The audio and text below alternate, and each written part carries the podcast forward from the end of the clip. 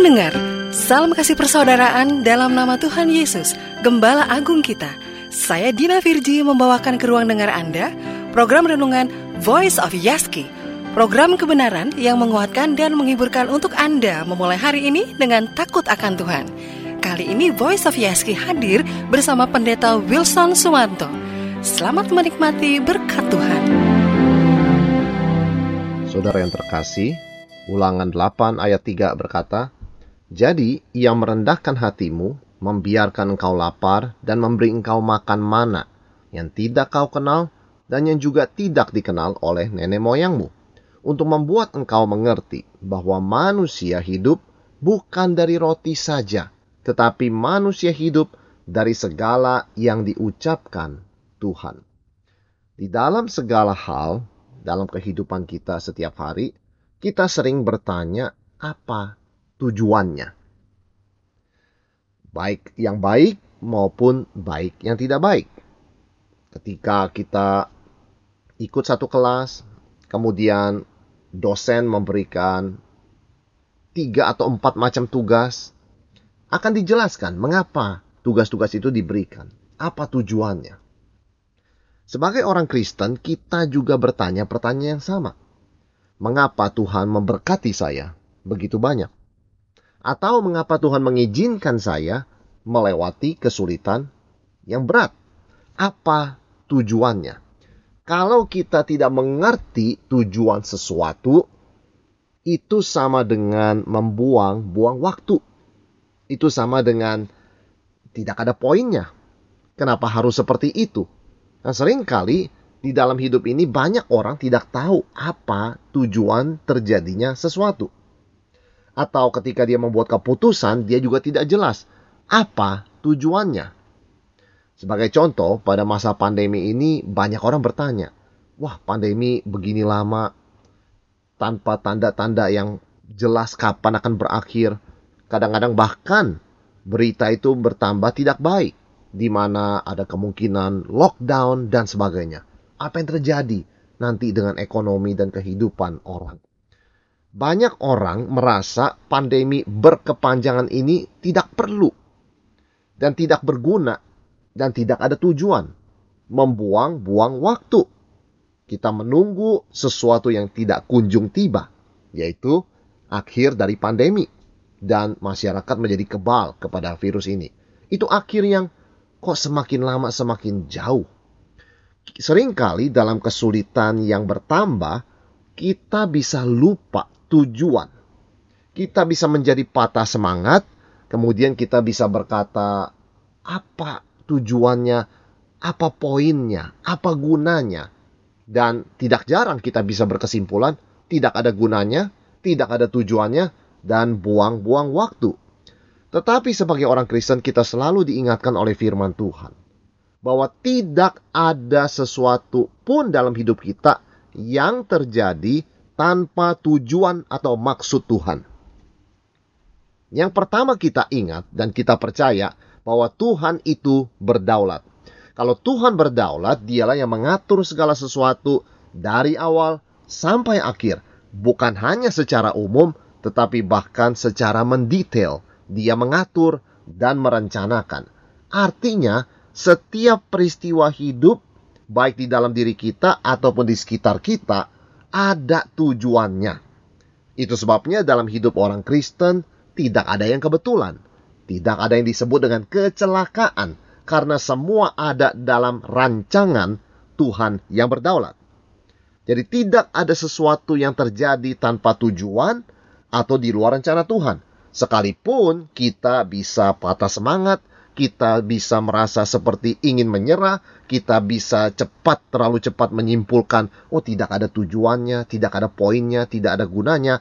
Tetapi kita harus kembali kepada fakta kebenaran bahwa Tuhan yang berdaulat itu merencanakan, merancang segala sesuatu dari awal sampai akhir. Jadi semuanya ada tujuannya. Segala sesuatu dalam hidup kita, baik yang baik maupun yang tidak baik, pasti ada tujuan Tuhan. Tujuan akhirnya adalah untuk kebaikan kita dan kemuliaan nama Tuhan.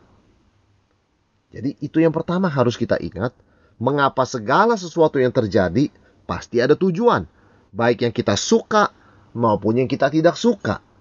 Tidak ada yang tidak ada tujuan, tidak ada yang tanpa tujuan. Segala sesuatu ada tujuan, itu iman kita karena Allah berdaulat dan Allah merencanakan segala sesuatu dari awal sampai akhir dengan rapi, dengan sempurna sampai detail. Yang kedua, mengapa kita percaya segala sesuatu pasti ada tujuan? Karena Tuhan mengatakan, "Pergunakanlah waktu yang ada." Karena hari-hari ini adalah jahat. Kalau segala sesuatu ada tujuannya, jelas.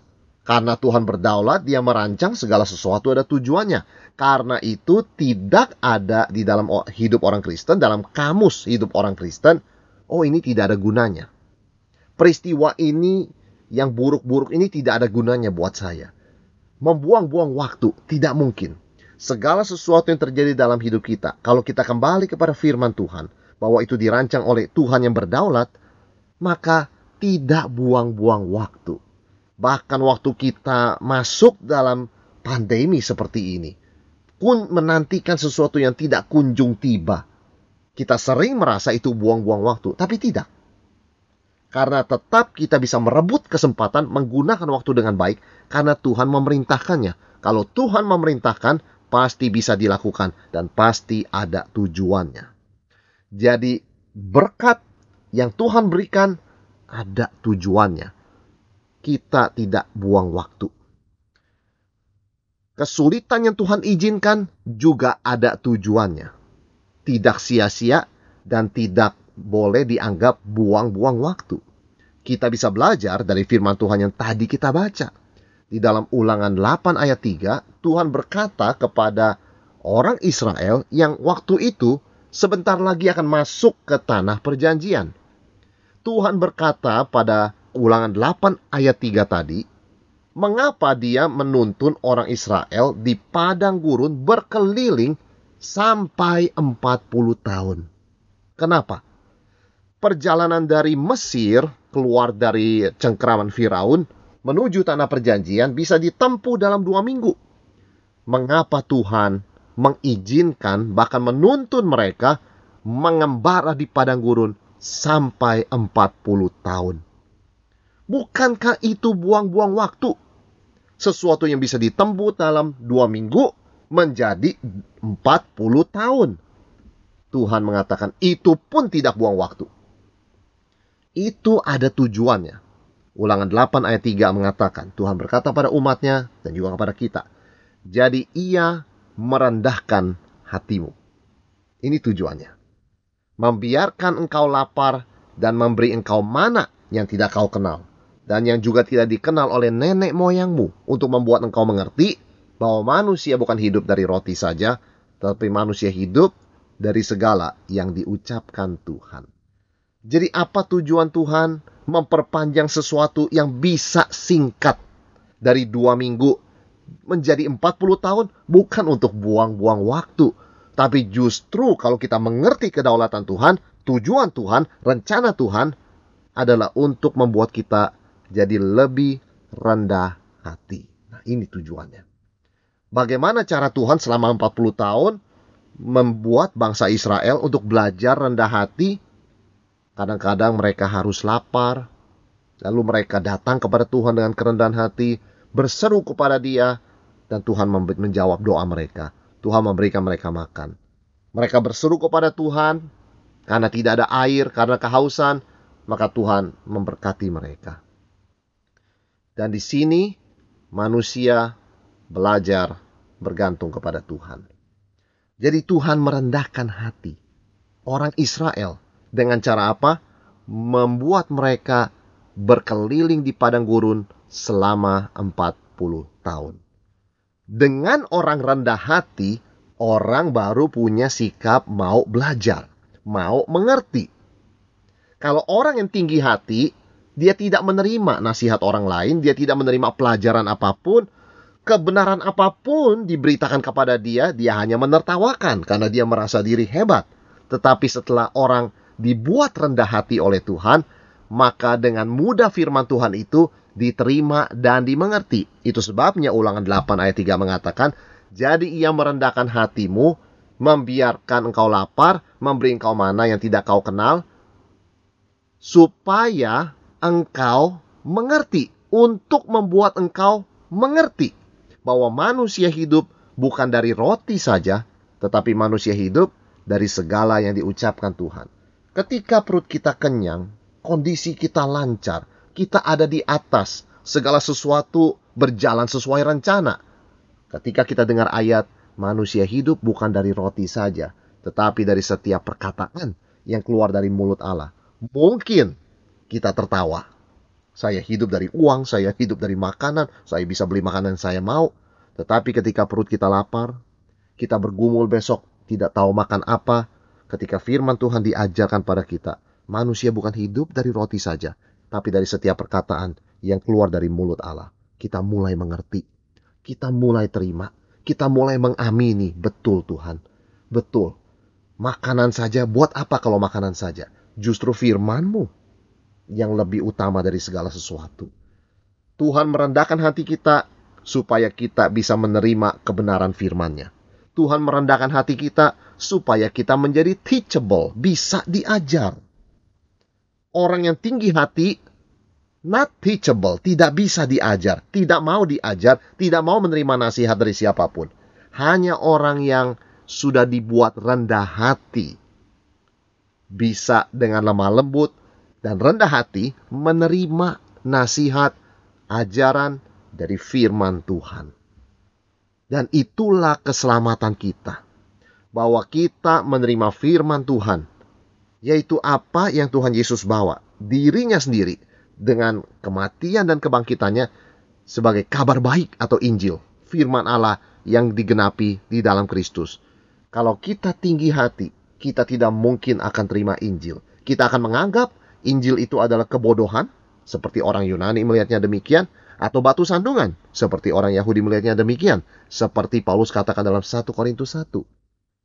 Tetapi justru Tuhan merendahkan hati kita lebih dahulu, sehingga ketika Injil diberitakan, kita bisa menerima, menyadari saya orang berdosa yang memerlukan Tuhan dan Juru Selamat, Yesus Kristus.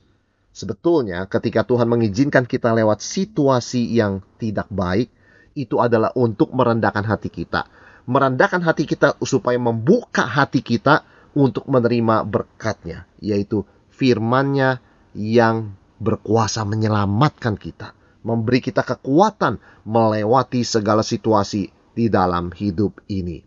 Itu sebabnya kita tidak pernah boleh lupa sebagai orang Kristen kalau kita melihatnya dengan benar, situasi apa pun tidak ada yang buang waktu. Bahkan ketika Israel dibuat mengembara 40 tahun. Ya, sebagian besar dari mereka karena tidak percaya dan tidak mau diajar dan tidak menerima pengajaran Tuhan, tidak masuk tanah perjanjian. Tetapi bagi sebagian kecil orang Israel, khususnya generasi muda pada waktu itu, mereka bisa melihat apa akibatnya kalau tidak mau rendah hati, apa akibatnya kalau tidak mau terima firman Tuhan, tidak mendapatkan janji Tuhan. Justru itu adalah pelajaran yang sangat berharga untuk generasi muda dari contoh nyata bagaimana orang-orang yang tinggi hati dan tidak percaya kepada firman Tuhan akhirnya tidak beroleh tanah perjanjian. Justru generasi muda ini yang di dalamnya termasuk Yosua dan Kaleb belajar rendah hati setelah melihat itu. Mereka gentar dan takut, hati mereka terbuka. Setiap perkataan Tuhan mereka terima dengan segenap hati mereka dan di situlah firman Tuhan yang diterima dengan segenap hati itu seperti benih yang jatuh di tanah yang subur. Menghasilkan buah 30, 60, bahkan 100 kali lipat. Saudara sekalian, kita harus ingat, pandemi ini adalah Tuhan merendahkan hati kita. Tuhan bisa membuat pandemi berakhir. Sejak awalnya mulai hanya dalam waktu satu bulan, dua bulan. Tapi Tuhan izinkan di dalam kedaulatannya, di dalam hikmatnya, pandemi ini sudah lebih dari satu tahun.